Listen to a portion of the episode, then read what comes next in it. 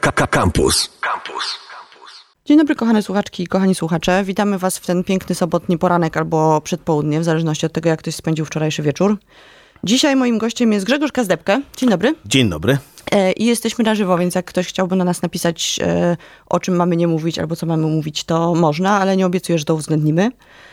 E, Będziemy rozmawiać o książce, którą e, pan bajkopisarz napisał e, jako osoba dorosła i dorosły pisarz z Hubertem Klimko-Dobrzanieckim. Książka nazywa się Królik po islandzku. Zilustrowała ją Aleksandra Cieślak, pewnie o tym jeszcze pogadamy, a wydała wydawnictwo Wielka Litera. I tu jest napisane z tyłu na tej książce, to jest łajdackie opowieści z żarciem w tle. Tak. A ja sobie tak, napisałam własny, własny opis, napisałam sobie wspomnienia z młodości z motywem żywieniowym.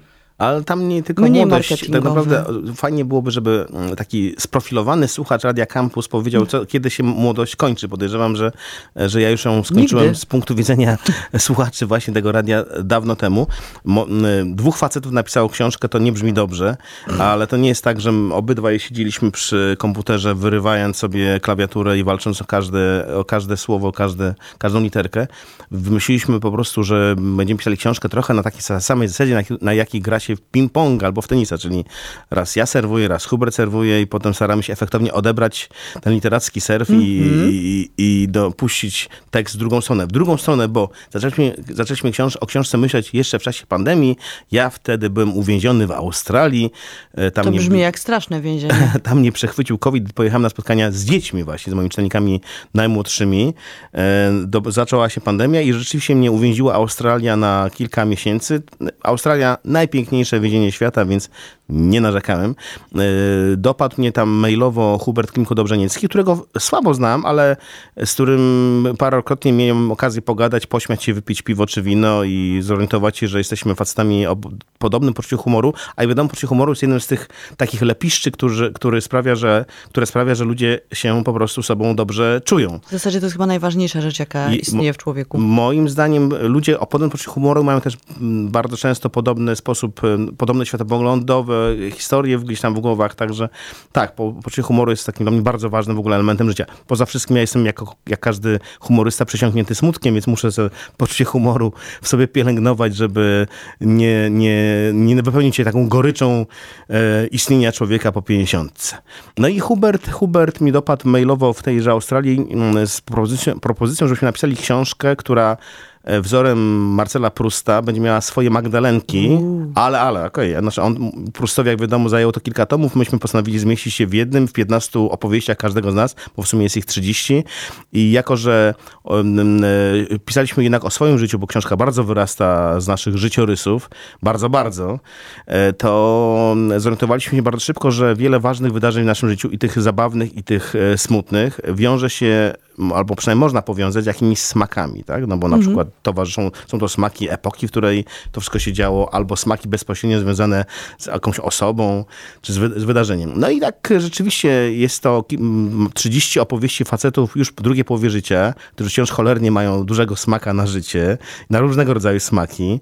E, I każde opowiadanie jest, do każdego opowiadania jest taki bonus dodany w postaci przepisu kulinarnego, naszego przepisu, no bo my jeszcze tutaj należy dodać, i ja i Hubert jesteśmy facetami gotującymi.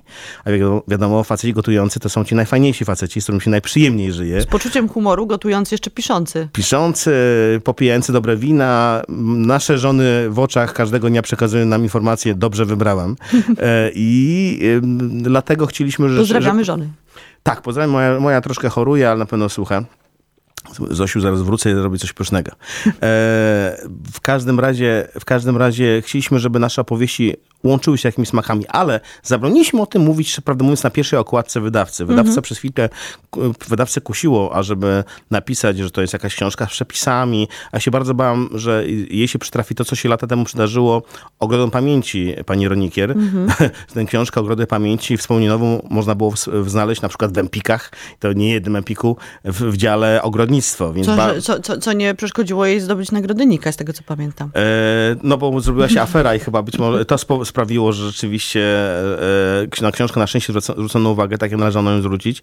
E, chcieliśmy bardzo ukryć, ukryć te kulinaria, tym bardziej, że jesteśmy jednak dość dziwacznym duetem, tak? Hubert Kimko-Dobrzenicki, znakomity autor, autor piszący dla, dla dorosłych, zawsze wymieniany jako, jako kandydat do poważnych nagród literackich. No Grzegorz Kazdepkę, także nagradzany, ale autor jednak książek e, dla dzieci, więc z punktu widzenia rynku wydawniczego i księgarskiego i czytelniczego jesteśmy rodzajem dziwactwa, tak? Więc jeszcze pomyśleliśmy sobie o tym niebezpieczeństwie, że namieszamy w głowach czytelników e, słowem kulinaria, kuchar, e, jakieś tam sprawy jedzenia. Nie, nie, ukryliśmy to bardzo skrzętnie. Książka jest książką literacką, a przepisy należy potraktować jako tylko rodzaj bonusu, choć z każdego przepisu, który tam jest, mogę się wytłumaczyć, każdy został zrobiony wielo, powielokroć, każdy lubię, nie do wszystkich już wracam, ale każdy lubię przynajmniej we wspomnieniach. Y, nie jest to też książka, którą, z której mogą, mogą skorzystać y, wegetarianie. Mogą, mogą. Mogą, są, ale tak. są takie historie, które y, jedzenie różnego rodzaju dziwnych istot, typu, no lis w końcu nie został zjedzony, ale został. został oskalpowany, tak to się mówi? Oskurowany. No tak, to jest też prawdziwa historia. Tak, no bo tak, no to też jeszcze dalej będę się zwierzał swojej starości. Książka zaczyna się w PRL-u, czyli lata temu, gdy byłem jeszcze smarkaczem i pierwsze moje opowiadanie jest takim opowiadaniem, które pisa jest pisane właściwie z, z punktu widzenia e, smarkacza, który idzie do szkoły podstawowej. Kończy się ten cykl moich opowieści, bo właściwie te wszystkie opowiadania można połączyć jak się rodzaj mm -hmm. rzeczywiście jakiejś dłuższej opowieści. Moje ostatnie opowiadanie to dotyczy, zabawne opowiadanie o śmierci mego ojca, czyli o smutnym wydarzeniu. I, to, i ono obrazuje trochę żywot emigrantów e, zarobkowych w RFN-ie, e, a Hubert z kolei wyskakuje dalej swoimi wspomnieniami, bo w zasadzie on kończy swoje opowieści teraz, w czasie pandemii w Wiedniu. Mm -hmm. Hubert mieszka, Klimko Dobrzenicki od 12 lat mieszka w Wiedniu. Teraz cieszy się, że dzięki promocji Królika po islandzku może sobie raz przyjechać do Polski i odwiedzać różne miasta. E, jutro jedziemy, pojutrze jedziemy do Torunia. Już teraz zapraszam Torunia, jeżeli jakimś cudem teraz słuchają tej audycji. To... Jest to całkiem możliwe. Tak? No to, drodzy Państwo, Księżnica Kopernikańska, godzina 18, 22 czerwca będziemy bawić, ale uwaga, spotkanie jest tylko dla dorosłych, będzie bardzo łajdacki. Proszę w żadnym razie nie zabierać na nie dzieci. E, dzieci mogłyby się troszeczkę zdziwić e, faktycznie tematyką, która jest poruszana w tej książce, e, bo o czym pewnie porozmawiamy za chwilę jeszcze szerzej, z jakiegoś powodu przeskoczyłeś z roli pisarza wyłącznie dla dzieci do roli pisarza w ogóle zupełnie nie dla dzieci, bo ta książka, nawet gdyby się chciało przeczytać dziecku fragmenty, to raczej ciężko by było te fragmenty poza przepisami wybrać. Bardzo też cieszę się, że od razu sugeruje to, okładka książki mm -hmm. i w ogóle ilustracje, które przygotowała znakomita Ola Cieślak. E, ilustracje rzadko się zdarzają w książkach dla dorosłych. One, które akurat są ilustracjami które ozdabiają strony tytułowe każdego z opowiadań, czyli mamy 30, 30 takich fantastycznych no, grafik, które w zasadzie mogłyby się znaleźć na ramieniu, brzuchu, plecach, udzie niejednego fana e, tatuaży i będę ciebie tak bardzo namawiał, żebyś też sobie tej z książki wybrała. Może Ola przygotuje specjalny tatuaż, e, który będzie pamiątką po tej rozmowie. To jest nazwa reklama. Ale no tak, to nie jest, to jest, książka, to jest książka tylko dla dorosłych. Tylko, bo nie, z kolei zauważyłem, że mm, piszę przecież dla dzieci już od wielu, wielu lat, od 25 lat. Mój syn ma lat 26. I to jakoś tak się bardzo sprzęgło, to moje pisanie dla dzieci z nim. Jak gdy jechałem 30 lat temu do Warszawy na studia, jestem z urodzenia białostoczaninem, gdy 30 lat temu jechałem na studia e, dziennikarskie, to przyjechałem tutaj z założeniem, że w ciągu paru lat stanę się Markiem Chłasko swego pokolenia. Nie wiedziałem jednak, że bardzo szybko się wplączę w cudowną awanturę namiętno-miłosną, której owocem będzie mój syn Kacper i gdy Kacper się urodził, miałem wtedy lat 22, no to okazało się, że na razie te plany napisania książki dla dorosłych, które we mnie były wówczas, muszę odsunąć na plan dalszy, bo zaczęło się życie, ale też zaczęły się notatki, mhm. E, które potem przerodziły się w książkę pierwszą dla dzieci o moim synku Kacperiada. I ta książka w ogóle mnie od razu ustawiła jako autora książek dla, dla dzieci, ponieważ e, zdobyła masę różnych nagród. Wydawcy do mnie sami zaczęli się zgłaszać, żebym napisał o nich kolejną książkę. I tak odkładałem napisanie dla dorosłych książki na później, na później, na później. I nagle zorientowałem się, gdy mój syn kończył niedawno 26 lat, że kurczę, ja już 26, 25 lat odkładam to napisanie, napisanie, napisanie książki dla dorosłych. Czas na to, czas się wreszcie na to zdobyć. A że w tym dokładnie momencie nadeszła propozycja od Huberta, żebyśmy jednak spróbowali, mhm. no to natychmiast rzuciłem się to na, na główkę i cieszę się ogromnie. Opowiadania są, jak, jak przez 25 lat pisania dla dzieci w, nauczyłem się jednego, że czytelnika najambitniejsza nadksiążka czytelnika ma po prostu cieszyć, bawić, wciągać, że to nie może być dla czytelnika. Literatura dobra dla dorosłych to jest też literatura, która po prostu, której czytanie sprawia przyjemność, która nie zamęcza. Hubert ma też takie samo założenie, e, więc nawet gdy pisaliśmy o sprawach, no, to dużo mówić czasami no, drastyczne, bo jest wspomniałeś o tym lisie, mm -hmm. o emigranckim losie mego ojca i jego kolegów. Nawet o tym pisałem, to jednak z lekkim przymrużeniem humoru. Ja też jestem też z, z takim zwolennikiem zasady, która, która w mojej głowie pojawiła się dzięki książkom dla dzieci, że autor powinien czytelnika zarówno rozśmieszyć, jak i go rozpłakać. Mam napisane bajkopisarz, onegdaj dziennikarz, pisarz, białostoczanin, co już też zostało powiedziane. Tak. I bon vivant, tak sobie tutaj napisałam. Kto ci to to tak podyktował? Ja sobie sama podyktowałam. No proszę. E, bo ta książka w zasadzie są, to są e, historie dwóch bon vivantów. W takim Trochę dobrym tak, tego ale, słowa ale znaczeniu chyba, oczywiście. No tak, bo na przykład, chyba żaden z nas nie jest Piotrusiem Panem, tak? Ani ja, ani Hubert. Ja kiedyś, gdy miałem te 30 parę lat e, i gdy, gdy rozstawałem się z ważną panią w moim życiu, poczułem, że chciałbym być takim Piotrusiem Panem, takim uroczym chłopcem, który nie, nie dorasta, a potem mnie to po prostu, ta rola zaczęła totalnie obrzydzać i nie, nie, jest, nie, nie, na pewno nie jesteśmy, ani ja, ani Hubert nie jesteśmy Piotrusiami Panami. Bojwantami, no lubimy życie, tak, to prawda, mm -hmm. na pewno lubimy życie, mamy świadomość tego, że ono się, ono się ma swój, swój kres gdzieś tam już dla nas widoczny, tak, mamy po 50, Hubert 55, a 50, E, i ta świadomość tego, że jesteśmy panami po 50, myślę teraz o kabarecie starszych panów, mm. to jest. Oni byli, zdaje się, świeżo po 30 wtedy, jak to robili. Oni mieli tam 40, chyba 2-3 lata, to tak? jest zdumiewające, ale pamiętaj, jak oni się wszyscy ubierali dziwnie, wiesz, e, nie mam pojęcia, na czym polegało. Ja mego ojca, który jest opisany w książce także, to się tak, występuje tam tylko w dwóch opowiadaniach, w jednym jest tylko wspomniany, ale ja mego ojca, który umarł, gdy ja miał lat 16, a miał, on miał lat 37, ja go zapamiętałem jako pana. Mhm. Takiego pana, wiesz, o to chodzi w marynarce, jakichś takich długich płaszczach, ale Humphrey Bogart.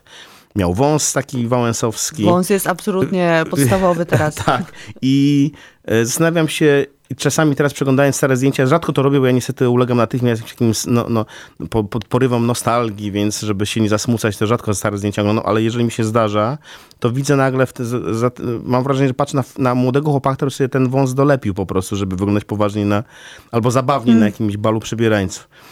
E, także tak, jesteśmy bombivantami, że tak to rozumiemy. Kochamy życie, lubimy, lubimy to wszystko, co się kojarzy z takimi smakami życia, czyli nie tylko to, to dają takie najbardziej podstawowe smaki, rozumiane dosłownie, jak mhm. jedzenie, dobre wina, bo rzeczywiście lubimy co dużo gadać. E, kobiety, no pewnie, że kochamy. Podróże. E, podróże, tak, chociaż ja wiesz, ja dużo jeździłem. Ja od 20 lat, odkąd wydałem pierwszą książkę dla dzieci, która zdobyła sukces, jestem w nieustannej podróży i zauważyłem, że najbardziej lubię wracać do domu. I to jest szczęście mieć, wiesz, miejsce, do którego można wrócić. Mhm. Tak, lubimy podróże. Zresztą ta książka też jest takim skokiem przez różne miejsca, w no których... właśnie, ona trochę prowadzi nas po różnych miejscach, w których e, obaj byliście. Tak, no bo Hubert, tak, Hubert, u, e, ja jestem białostoczaninem, który przyjechał do Warszawy, tutaj mnie dość szybko dopadło życie w postaci dziecka i fantastycznie mnie dopadło, pewnie, pewnie gdybym to dziecko się nie urodziło, to byłbym jednym z tych facetów, którzy ciągle planują, co zrobią w życiu, a nic nie robią. Mm. A dziecko jednak, każdy, kto, wie, kto ma to wie, że bardzo, bardzo dyscyplinuje, tak. Hubert z kolei, więc Warszawa, no i potem podróż zaczęły się różne związane także z moimi książkami. E, Hubert z kolei urodził się w, urodził się w Bielawie, e, wyjechał do Koszalina do seminarium duchownego, skąd, gdy już mu przeszła, przeszła ducho, duchowe jakieś tam rozterki, pojechał na Islandię. Tam siedział 12 czy 11 lat, e, opiekując się osobami tej opieki wymagającymi w szpitalu. Nauczył się islandzkiego, ma islandzkie obywatelstwo. Przejechał kawał świata i wszędzie zdobywał sobie lepsze czy, czy, czy, czy, czy gorsze, ale na jakieś znajomości, ale także zdobywał jakieś przepisy, które go fascynowały, bo chłop gotowy od zawsze, e, lubił, lubił jeść, lubił się cieszyć, pocieszać czasami w swoim życiu jakąś dobrą, dobrą, dobrą na przykład zakąską e, i zewsząd przewoził ciekawe, ciekawe opowieści i i przepisy. A że jeszcze to ważny element, obydwa jesteśmy fanami pisarza, który pewnie już nie stracił dla, na znaczeniu dla młodszego pokolenia. My jesteśmy z pokolenia, które czytało bardzo dużo Hrabala. Mhm. Uwielbiamy Hrabala, uwielbiamy jego zakochanie w życiu i ten w ogóle podejście do życia. Tak? Że Hrabal zawsze mówił, że on wie, że życie nie jest piękne, ale on się uparł, że ono będzie piękne i tak chce na nie patrzeć, tak? E, I ja pamiętam, byłem zafascynowany tym takim zakochaniu, zakochaniem Hrabala w każdym najbardziej gównianym aspekcie życia, I szczególnie to do mnie dotarło, gdy zapisywałem pierwsze jakieś tam, robiłem notatki z takiego wczesnego dzieciństwa mego synka Kacpra.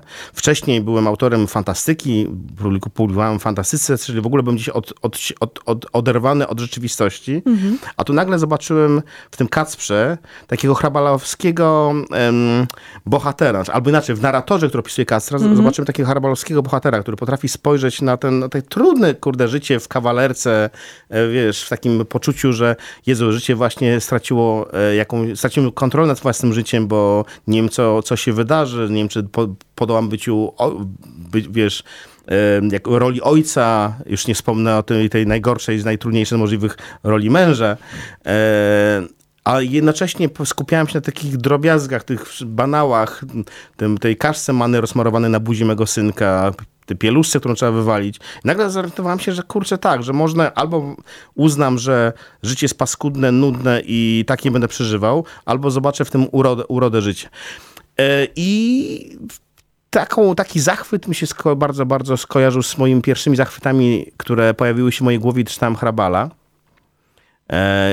Gdy pisałem teraz te opowiadanie do królika po islandzku, zorientowałem się, że rzeczywiście ten hrabal cały czas patronuje jednak ten mm -hmm. naszym patrzeniu na świat. Nawet dopisuje najsmutniejsze dla mnie momenty, to jednak, jak widzisz, jestem z pokolenia, które nie lubi pokazywać łez na, na, hmm. na, na zewnątrz. Wolę płakać do środka.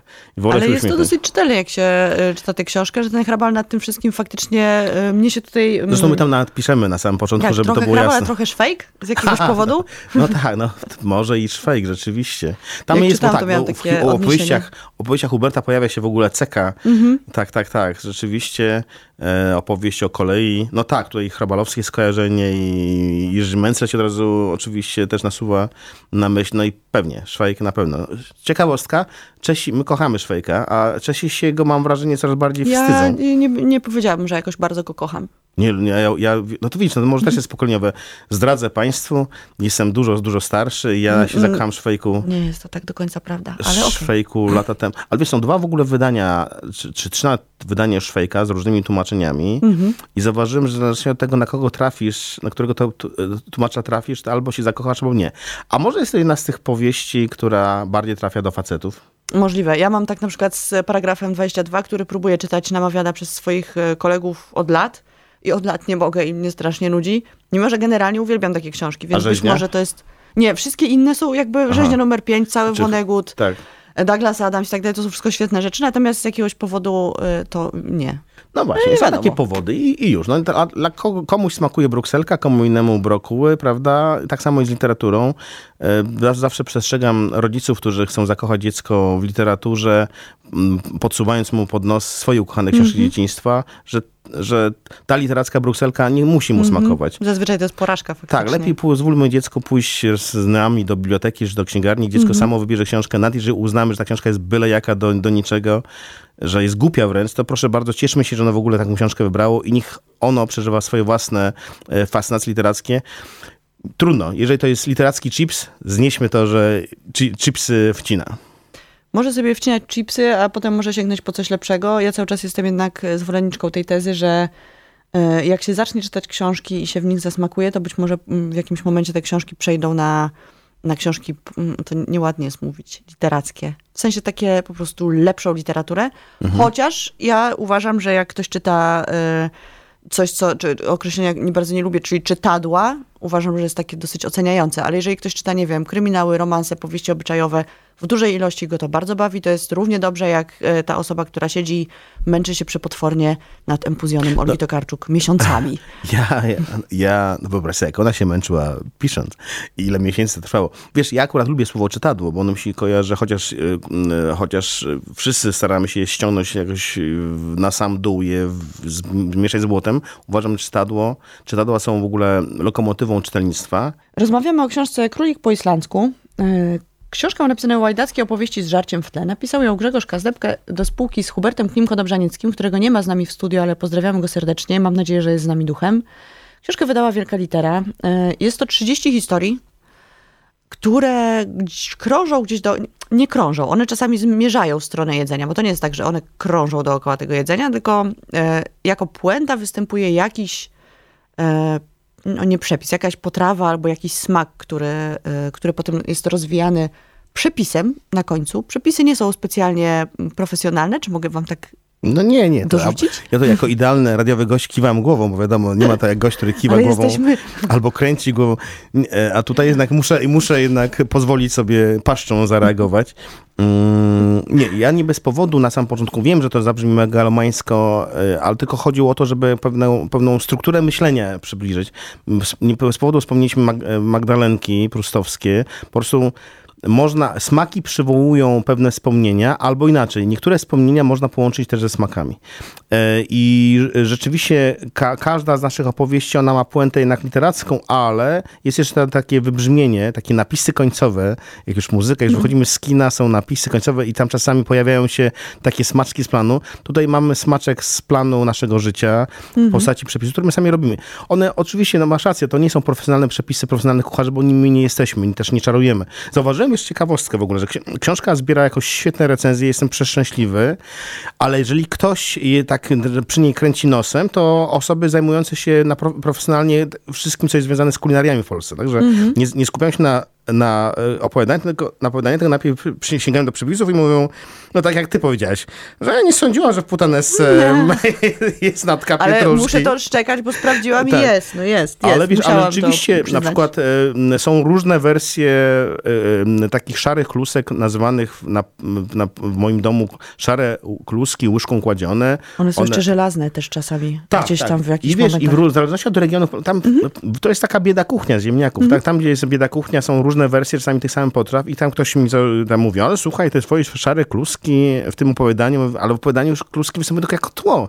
A, bo ja opowiadanie przeczytałem, to przeczytałem, przeczytałem tylko i wyłącznie recenzję. Także jeżeli ktoś jest taki bardzo seriozny, to Mhm. są ci ludzie od, od spraw kulinariów, chociaż też chwalą. No, mam nadzieję, że pojawi się też kilku audycjach dotyczących jedzenia, bo jedzenie jest jednym z tych smaków życia, które kurczę bardzo cenię. Dlatego to słuchacze tego nie muszą wi- wiedzieć. Jestem pyzaty, uśmiechnięty. Ale nie trzeba być poza tym, żeby kochać jedzenie i nie trzeba, trzeba. Ja- e, nie, nie jest to jakoś Ja sprzężone nawet nie chciał, wiesz, ja od trzech dni Boże Ciało postanowiłem zawalczyć o, swoje, o boskie ciało i znowu ruszyłem po pół roku do, na takie No ja codzienne, ci poranne... ciasto, przepraszam. Poranne spacery, które mają taki człaping poranny, znowu uprawiam od trzech dni. Jeszcze nie mam żad, nie widzę żadnej pop- poprawy na wadze. Po trzech dniach? Ale wiesz, dziwne. jest, jednak mężczyźni są niecierpliwi. Za to za, za, w nagrodę, że, że już ten wysiłek poczyniłem, pozwoliłem sobie wczoraj na różne smakołyki i dzisiaj te cia, ciasto twoje zjem, z, mam nadzieję, z przyjemnością. Ja też mam nadzieję, że z przyjemnością. E, Robiłam je dzisiaj rano, więc jest pyszne. Mam nadzieję, że nie zawilgotniało specjalnie w tym pudełeczku, bo było pakowane jeszcze jako ciepłe ciasto, e, żebym mogła cię ugościć. No dobrze. To my powoli kończymy rozmowę. Zapraszamy was, e, kochane słuchaczki, kochani słuchacze, do tego, żeby sięgnąć po książkę Królik po islandzku. E, Jest to, to oczywiście jest idiotyczne polecenie, ale tak jest. Jest to dobra książka na wakacje bo jest dowcipna, lekka, e, chociaż bywa czasami, są takie właśnie smugi cienia, które tam przemykają w tych opowiadaniach. Poza tym można znaleźć sobie jakieś przepisy, które, które możemy sobie zrobić w domu, co nie jest moim zdaniem najważniejszą oczywiście funkcją tej książki. E, Są tutaj też wspaniałe ilustracje Aleksandry Cieślak, którą też bardzo serdecznie pozdrawiamy. E, Czytajcie w ogóle książki, kupujcie książki w księgarni. Wiem, że to powtarzam za każdym razem, ale nie mogę robić inaczej. Mm, W przyszłym tygodniu, w sobotę, postanowiłam zrobić e, taką listę polecanek książkowych na wakacje, co wydaje mi się być dosyć idiotyczne, bo prawdopodobnie polecę wam same trudne, smutne, doginające książki rzeczywistości, bo jak e, wiecie, jeżeli słuchacie mojej audycji od jakiegoś czasu, są to książki, które interesują mnie najbardziej, plus takie, że prawdopodobnie będą cienkie. E, Ale jeżeli ktoś nie chciałby czytać e, smutnej, doginającej książki o sensie życia albo eksperymentalnej prozy z e, jakichś dziwnych, odległych zakamarków świata, to myślę, że książka Królik po islandzku może być dobrą przeciwwagą do tych moich nudnych i trudnych i skomplikowanych książek. Nasza książka jest też książką o sensie życia, ale z ale uśmiechem. tym, ale tym przyjem, przyjemniejszym. Tak, tak, nie, ja bardzo... Ona go rozpracowuje Wiesz, e, na mnie, wesoło. mnie to fascynuje, dlaczego, bo my, my w ogóle Polacy mamy bardzo taki stosunek e, ironiczny do literatury e, uśmiechniętej, w przeciwieństwie do anglosasów, którzy lubią się uśmiechać, ale za- zakładam, że to wynika z naszej historii, że polska literatura miała taką zadanie przetrwalnikowe, tak, że po prostu musiała przechować polskość, więc to było wszystko takie seriozne. Anglicy akurat zostali inaczej potraktowani przez historię i akurat e, oni tak samo sobie cenią komedię Szekspira, jak i tragedię Szekspira. A tu w Króliku mamy dobry miks i komedię, i tragedię jednocześnie. My, mimo tego, że Szekspira tutaj jednak mimo wszystko nie znajdziemy, ale duch hrabala nad tym wisi i niech to będzie najlepsza, e, najlepszy blurb tej książki. E, Dziękuję wam bardzo za to, że słuchaliście. Dziękuję tobie bardzo za to, że przyszedłeś Dziękuję w za e, zaproszenie. długi weekend, kiedy wszyscy powinni być na grillu, e, rozmawiać w radio o literaturze. E, A wy, kochani, bawcie się dobrze, czytajcie książki i słyszymy się za tydzień. Słuchaj Radio Campus, gdziekolwiek jesteś. Wejdź na www.radiocampus.fm.